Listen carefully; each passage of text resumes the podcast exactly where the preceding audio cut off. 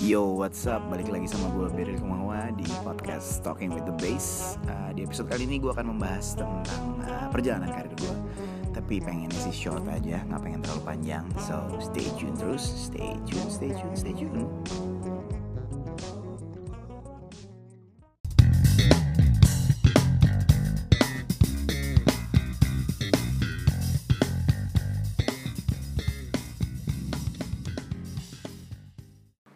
Iya, jadi setelah uh, pernah bikin survei di Twitter waktu baru mau start bikin podcast, ada yang ngusulin untuk um, ceritain dong perjalanan karir gitu kan.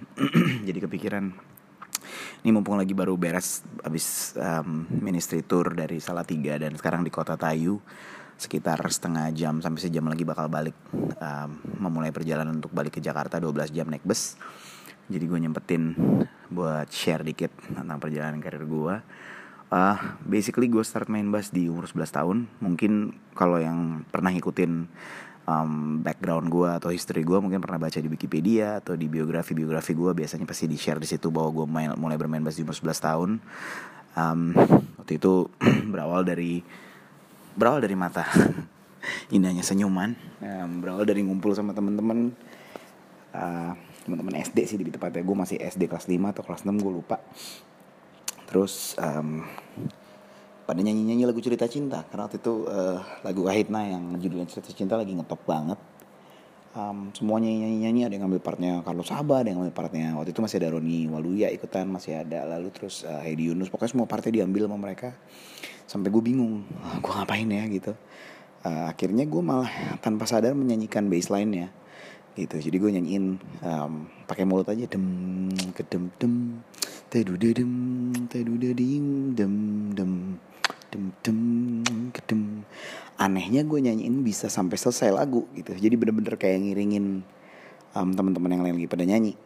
Dan akhirnya di situ gue menyadari bahwa oh kayaknya gue punya uh, kemampuan untuk menangkap nada dengan cukup baik dan kayaknya gue malah nangkap nadanya bass gitu which is instrumen yang harusnya nggak terlalu kedengeran gitu. Cuman emang gue uh, dulu suka banget denger permainannya Mas Dodi Is dan gue pun pernah ketemu sama beliau waktu itu kebetulan lagi di Melodia Musik terus gue pernah cerita bahwa ya mas lo yang salah satu alasan gue bisa start main bass gitu. Ya udah akhirnya um, ngulik sampai gue di rumah um, kebetulan ada gitar. Sebenarnya yang gue ambil gitar. Jadi uh, gitar cuman cara maininnya kayak main gitar nilon biasa cuman cara gue mainin kayak main bass. Um, karena ngeliat ada titik kan dari kolom ketiga which is to G. Jadi gue langsung tekan dan ternyata bener memang lagu cerita cinta main di G gitu. Dan akhirnya dari setelah gue mulai uh, bermain bass gitu. Mulai latihan latihan latihan. Terus mulai iseng kalau uh, denger denger lagu gue suka iseng ngulik bassnya. Waktu itu salah satu yang gue kulik uh, lagu walah dari netral. Uh, itu gue kulik banget. Terus lagu netral yang judulnya pelangi. Karena gue zaman masih uh, umur segitu gue memang masih banyak fokus di uh, teman-teman gue pasti banyak yang main lagu-lagu punk jadi ya otomatis gue ngikutin selera pasar lah. Jadi gue ngikutin ngulik lagu-lagunya Green Day lah ngulik lagu-lagunya um, apa ya waktu itu? Ada Ramones ada banyak sih. Ada Sex Pistols ada segala macam. Nah gue suka iseng ikutan ngulik uh, bassnya gitu. Dan ya supaya gue bisa manggung juga sih sama teman-teman alasannya. Salah satu alasan utama sebenarnya itu. Dan um, dari situ berkembang berkembang berkembang. Sering ngulik sering ngulik sering ngulik sampai akhirnya mulai iseng ngulik-ngulik lagu-lagu agak susah kayak Still a Friend of Mine, Incognito. Uh, banyak lagi sih sebenarnya yang gue kulik-kulik. Singkat cerita uh, sering latihan. Dari zaman gue SMP gue kalau pulang sekolah pasti uh, ngulik pegang bass.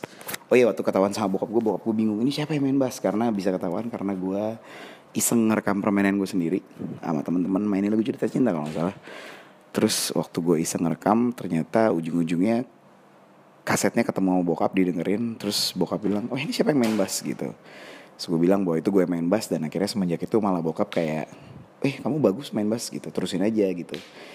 Dari situlah gue mulai bermain dan um, itu yang tadi gue cerita sih apa suka ngulik suka tiap kali pulang sekolah sampai rumah ngulik semua CD atau eh, bukan CD masih kaset.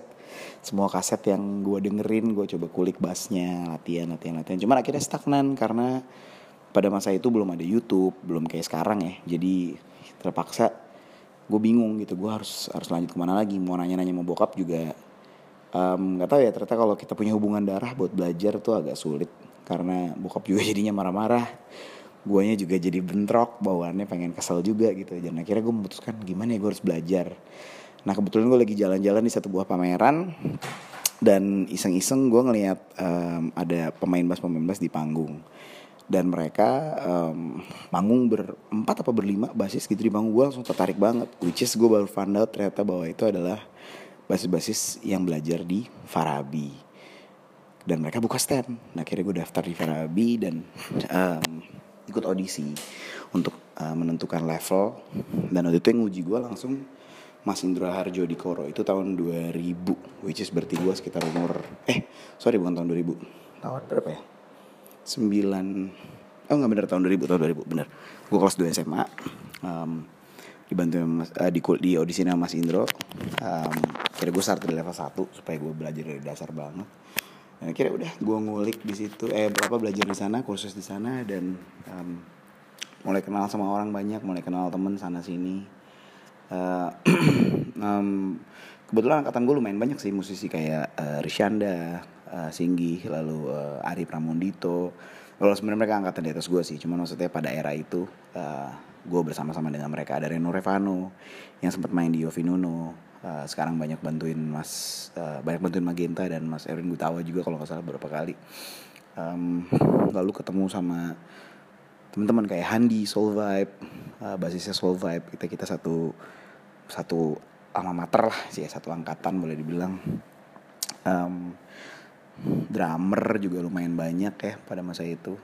Seru seru-seru banget. Dan uh, dari situ lah gue mulai kenal sama banyak musisi. Um, terus gue juga sempet awal mulanya gantiin uh, satu pemain bass di daerah uh, Karawaci. Jadi gue bantuin gig uh, satu buah band reguleran. Waktu itu gue ingat hari Rabu di Pisa Cafe Karawaci. Dulu sempat ada di depan UPH um, mereka mainnya kebanyakan jazz gitu. Dan gue ditawarin untuk uh, substitute waktu itu. Pertama gantiin terus minggu depannya enggak. Minggu depannya gantiin lagi. Tiba-tiba minggu depannya lagi setelah gantiin ketiga kali ditanya mau nggak nerusin? Karena uh, pemain bass yang originalnya nggak bisa nerusin karena ada kegiatan lain. Akhirnya gue gabung di grup itu. Um, nama bandnya Balimo Band dulu. Karena orangnya berlima simple banget ya namanya Balimo um, pemain gitarnya guru di SPH pemain drumnya namanya Terence adik dari Hanieka Putra um, waktu itu pemain pianonya kok gue lupa ya namanya mendadak. Teman lama banget pada karena udah lama banget dan udah lama banget nggak ketemu. Uh, kayak kita main bareng. Penyanyinya ada namanya uh, Om Irwan Solihin dia menyanyi sambil sekaligus main saxophone. Uh, akhirnya gue reguleran tuh setiap hari Rabu di uh, Pisa Cafe Karawaci lalu uh, band yang sama dapat tawaran untuk reguleran di um, mana waktu itu? Citos di Citos di Citos reguleran di Citos. Uh, di saat yang bersama gue juga punya reguler lain akhirnya. Karena yang Rabu itu akhirnya udahan jadi gue cuma reguler di Citos setiap hari Sabtu. Gue bikin band lain sama Doni Jusran waktu itu. Nah, karena dia dapat tawaran buat main di Jams Cafe uh, tahun 2003 lalu kita main hari Rabu jadinya di Jams bareng sama waktu itu startnya sebenarnya Doni Jusran, uh, Robert Mulyara Harja, uh, Zulham, Alfa Zulhamsyah sama vokalisnya Danto. Nama band kita The Pentatones. Reguleran selama tahun 2003 itu di Jams uh, Cafe. Waktu itu adanya di Aston situ di Sudirman ya, belakangnya Atma Jaya. Uh, dekatnya Plaza Semanggi. Pada masa itu belum ada Plaza Semanggi, Balai Sarbini belum ada baru-baru mau mulai dibangun kalau nggak salah. Terus uh, apa udah ada ya? Gue lupa lupa ingat juga sih. Pokoknya gue ngegig di situ hari Rabu hari Sabtu di Citos uh, terus di band yang hari Rabu yang di Jams itu personilnya mulai ganti pemain drumnya itu tuh uh, Elva Zuhamsyah udah sibuk bareng sama Nikita Dompas uh, Indra Perkasa dengan band mereka Adar Karim dengan band mereka yang namanya Tomorrow People Ensemble lalu drummer kita akhirnya digantiin sama Ryandra Sunito yang baru pulang dari Berkeley waktu itu. Uh, main bareng Ryan terus eh, nggak uh, lama uh, Robert Mulyara Harja mau kuliah ke Berkeley gantian Robert yang berangkat jadi kita harus cari gitaris mengganti lagi. Um, bermainlah gue dengan Andre Dinut uh, gue ajak Andre Dinut untuk gabung which is Andre Dinut itu gue kenal karena dulu kita pernah punya kayak band fusion gitu ya. Itu sekitar tahun 2002 2002an lah namanya Kopi. Um, kita diajak sama satu temen namanya Dimas main gitar akustik. Dia punya bandnya lalu uh, rombak pemain uh, rombak playernya dia dan gue bantuin di situ. Gue Doni Jusran um, lalu uh, drumnya itu Tovan Irianto. Nah Andre Dinut salah satu gitaris yang sempat main di situ juga. Kenal dari situ uh, waktu itu dia masih anak Chicks ya kalau nggak salah. Pokoknya uh, Chicks Music bergaulnya lebih banyak di daerah Jakarta uh, Timur. Which is daerah yang bukan gue banget karena gue ngertinya cuma selatan sama Tangerang pada masa itu. Lalu akhirnya udah gue ajak Dinut gabung di band Pentatones itu tahun 2003 akhir kalau nggak salah deh. Apa 2004 awal ya. Nah tapi di 2003, di 2003 akhir itu gue masih main sama Balimo juga di Citos. Dan uh, bulan November kalau nggak salah November 2003 ketemu sama Glenn Fredly. Uh, waktu itu Bung Glenn lagi lewat. Uh, terus nontonin kita gitu dari samping. Um, waktu itu band yang di Citos yang main keyboard udah si Hania Kaputra yang main. Lalu dia ngeliatin gue terus uh, manajernya nyamperin minta nomor gue gak akan lupa karena pemain keyboard udah masuk main lagu Just the Us. Hani udah muterin Just the Us udah tiga kali putaran apa empat kali putaran. Harusnya kan chord depan uh, piano lalu uh, bass masuk. Cuman nggak bisa masuk karena gue lagi ditanyain kartu nama sama manajernya Glenn. Lalu akhirnya diajak gabung di bandnya Glenn. Malam itu langsung ditelepon.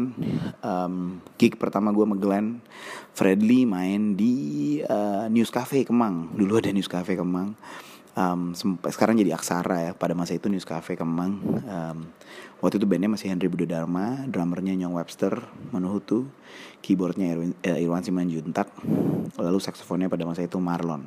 Nah lucunya gue tuh pernah nonton bandnya Glenn waktu main di tribute to Embong Raharjo. Jadi gue pernah uh, datang di sebuah event di James um, di James Cafe juga uh, tribute to Embong Raharjo yang main Glenn Fredly. Dan gue bilang wah ini band seru banget ya gitu waktu itu main, yang main bass masih Rensis Wenas dulu bassnya GMB kalau nggak salah. Terus gue bilang wah pengen deh bisa gabung di band kayak gini karena ada nuansa gospelnya ada nuansa black musicnya ada nuansa jazznya juga.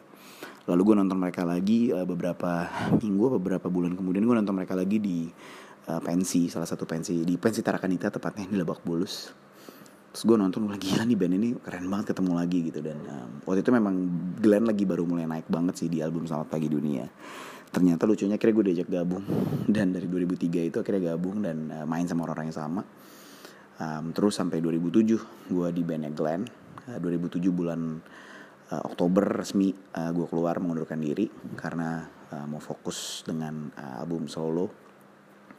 Waktu itu gue mulai ngerjain materi-materi untuk album Good Spell um, lalu di ya sepanjang perjalanan itu ya mulai main sama Glenn di 2006 gue ditawarin untuk gabung di uh, Basi Rose uh, uh, kompilasi. Tapi di tahun 2005 waktu Java Jazz pertama kali dibikin karena gue dulu pernah main di Jams kita dapat privilege ditawarin untuk uh, jadi performer di Java Jazz Festival. Akhirnya manggung lah kita di Java Jazz Festival tahun 2005 which is band Pentatones gue Rendra Sunito. Tapi waktu itu yang main keyboardnya uh, Aga uh, Sri Hanuraga uh, gitarnya Andri Dinut vokalisnya Danto. Jadi kita akhirnya main tahun 2005 Doni Jusran waktu itu uh, ada problem lah. Dia harus harus menyingkir dulu nggak bisa manggung dulu. Gitu dan uh, ya sudah akhirnya um, manggung sama Glenn juga.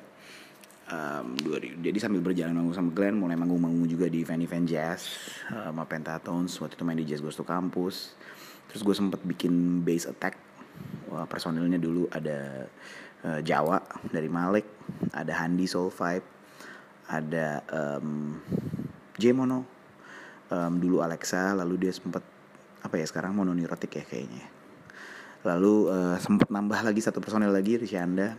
Uh, drumnya itu Ryan Sunito uh, keyboardnya ada Iyas bantuin Iyas Ekute bantuin di belakang untuk nebelin kita supaya ada chord-chordnya Nah, itu lumayan seru sih manggung ke mana-mana, manggung di Jazz Gusto Kampus, manggung di Java Jazz, di Jack Jazz, uh, suka featuring bareng Karis Bugiman juga.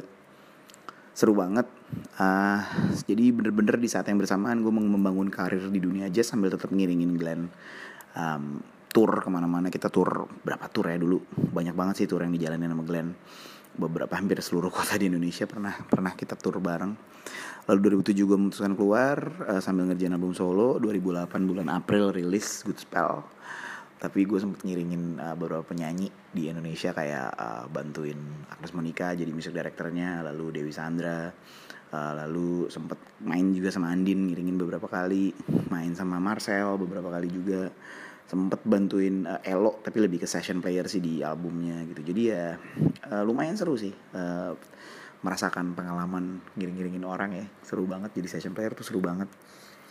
Uh, di 2005 juga sebenarnya gue juga sempat ngiringin Park Drive sambil bantuin Glenn, uh, sambil tetap jadi pemainnya Glenn tapi bantuin Park Drive juga uh, live performance waktu itu. Uh, di albumnya juga gue ngisi album pertama beberapa lagu, 6 lagu kalau nggak salah.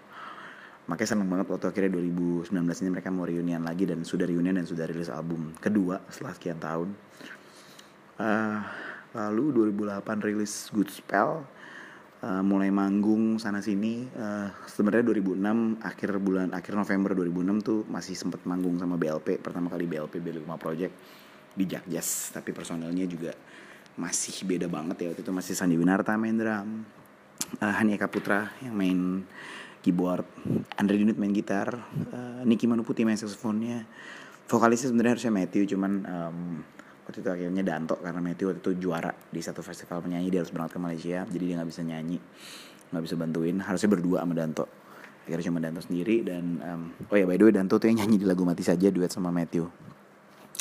Uh, lalu 2008 rilis album terus ya udah mulai keliling sana sini mulai gonta-ganti personel yang ngiringin di band yang harusnya sebenarnya band itu tujuannya untuk mengiringi gue gitu ya untuk untuk tour album Good Spell. Nah tapi akhirnya ya waktu itu mulai sama Yonas yang main drum Dennis Junior mulai uh, eh, gue ajak untuk bantuin gantiin Niki Mana Putih karena uh, Niki Glenn uh, Niki Ryan sama um, Dinut sudah mulai sibuk main sama Glenn. Waktu itu mereka udah main sama masih main sama Glenn sementara gue udah mengundurkan diri. Jadilah gue harus cari personel lain. Dan yang bantuin akhirnya ya itu uh, Jonas Dennis Junior uh, sama Nikita dong pas awalnya. Doni Jusran juga masih ikut main Matthew. Lalu uh, kita juga jadwal juga mulai sibuk ya mulai banyak uh, bantuin Andin sebagai music director waktu itu. Akhirnya uh, memutuskan untuk uh, minta tolong Henry Budi Dharma bantuin dan jadilah BLP itu 2008 kita mulai jalan dengan personel yang seperti itu. Um, tapi orang masih bingung tuh band Luma Project ini band atau apa dan waktu itu memang sebenarnya ya seperti gue bilang itu bukan band karena um, cuman bantuin project solo gue originalnya. Tapi akhirnya karena seru banget gue memutuskan dengan anak-anak yuk kita kompakan kita bikin jadi band aja kali ya. Cuman supaya orang nggak ngelihat itu sebagai Berry projectnya Berry doang kita ganti namanya jadi BLP dan BLP mulai jalan ke sana sini mulai ya manggung di banyak festival jazz di banyak pensi um, 2011 akhirnya kita memutuskan rilis album kita as a band. Nah, judulnya generasi sinergi. Uh, materinya dikumpulin bareng-bareng jadi ada beberapa yang diciptain bareng-bareng ada beberapa yang masih ciptaan gue juga. Um, jadi itu album sebenarnya kayak transisi dari Good Spell yang which is album solo gue ke album band BLP 2011 bareng sama Seven Music. Lalu album kedua kita rilis di bul tahun 2014 um, judulnya Inner Light. Waktu itu personel udah tinggal berlima karena Matthew ha, mengundurkan diri karena dia harus solo karir 2012 Matthew rilis album solo Uh, di 2012 kita mulai banyak gonta-ganti vokalis uh, Teddy Aditya salah satunya uh, Raymonte, uh, Albert Fakdaur, Ryan Valentinus uh, even kayak B-Boy, Ladies Night, uh, Kunto Aji sempat bantuin kita juga di live beberapa beberapa kali. Um, tapi seru banget sih, maksudnya gue ngerasain um, berkolaborasi dengan begitu banyak orang. Apalagi di album Inner Light juga ternyata uh, kolaborasi dengan banyak juga orang kayak Bubu Giri, kayak Bayu Risa, uh, Glenn Fredly juga ikutan di album itu. Uh, banyak banget ya orang-orang yang uh, bantuin kita, Indra Aziz. Jadi seru banget, menyenangkan banget. Dan um, 2015 BLP memutuskan vakum karena kita punya apa ya, bukan visi yang berbeda sih, tapi kita ngerasa mungkin jenuh ya, mungkin kayak nanti dulu deh kita punya kesibukan masing-masing. Dan um, uh, Dennis waktu itu memperdalam dia main tenor. Uh, Jonas kebetulan punya bisnis uh, Doni sama Henry juga sibuk session player gitu. Dan akhirnya ya kita misah.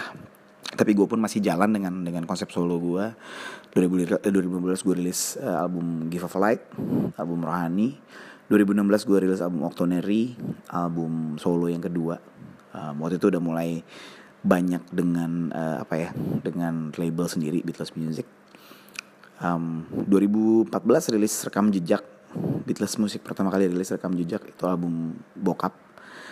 Um, lagu-lagunya bokap karya-karyanya bokap aransemen aransemen bokap uh, gue produce. Tapi sebenarnya 2012 udah pernah rilis juga albumnya bokap juga judulnya Like Father Like Son. Cuma bedanya di rekam jejak ini uh, konsepnya kita rekam live dengan penonton. Kalau 2012 rekam live tapi uh, tidak dengan penonton. Jadi kita cuma rekam di studio waktu itu di studionya Like Earth studionya almarhum Riza Arsyad seru banget pokoknya uh, sampai sekarang pun gue masih berkarya gitu gue masih uh, manggung masih um, seru-seruan bareng temen-temen yang sebenarnya jauh lebih muda dari gue usianya orang-orang kayak Martin Siahaan kayak um, sempat main sama Ivan Alidian uh, Chris Stanley Cole, uh, Dimas Pradipta, Basji, sempat main sama Jordi Wailauru. Cuma Jordi juga ada rilis album solo, jadi dia juga sibuk dengan solo karirnya. Um, banyak banget teman-teman yang sekarang bantuin kayak ada Maha Ami Purba di trompet, Albert masih bantuin juga, Ryan Valentinus juga bantuin. Um, sekarang ada gitaris kayak Daniel Gom Gom suka bantuin Hesky Joe bantuin um, yang sempat sibuk dengan MLD-nya um, seru banget sih tapi di saat yang bersamaan gue juga bikin band baru namanya Rima. Rima Funk kalau teman-teman pernah denger uh, bareng sama Ivan Sabah dan Ryan Valentinus dan juga DJ Faith mencoba eksplorasi musik yang berbeda-beda gitu. Jadi basically itu ya. Gue mungkin nggak bisa cerita lama-lama.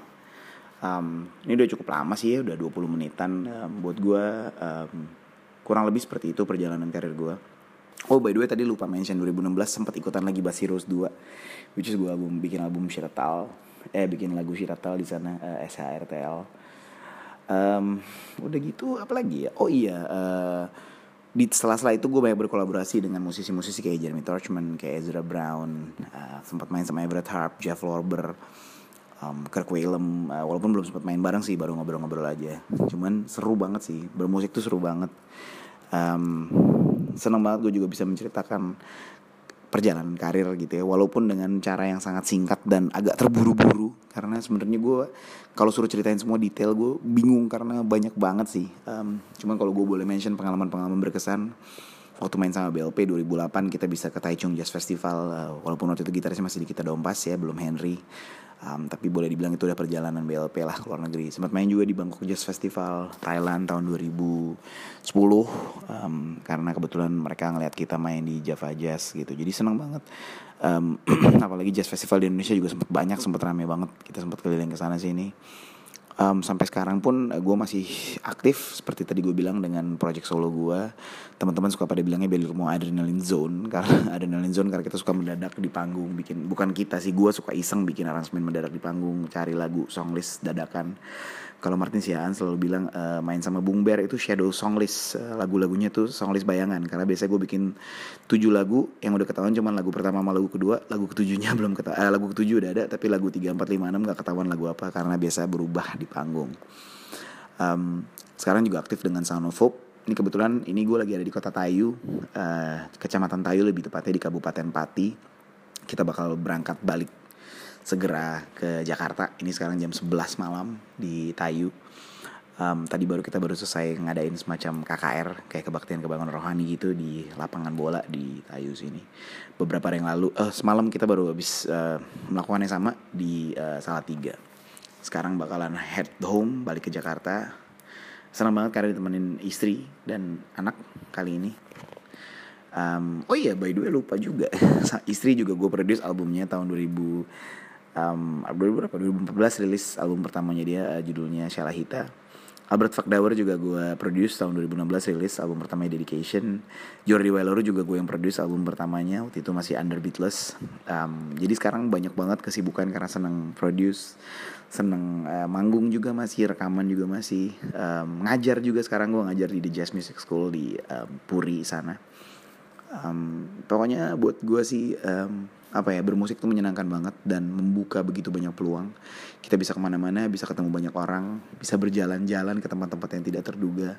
Puji Tuhan gue udah um, lumayan melanglang buana ke berbagai negara ke ke Vienna di Austria bareng sama Mas Diki Darmawan ke um, Kanada uh, tahun lalu bareng sama istri berangkat ke Kanada untuk acara di sana main di acara Natal di sana um, pernah ke Belanda bareng sama Glenn ke KL bolak-balik kemarin waktu itu baru dari Public Jazz juga um, Johor baru Singapura uh, tadi Thailand gue udah mention Taichung Taiwan um, senang banget sih ya maksudnya bermusik tuh membawa kita sampai ke mana-mana sampai ke Tokyo gue pernah juga uh, ke Amerika juga tahun 2014 ke LA dan ke uh, mana lagi itu? Arizona.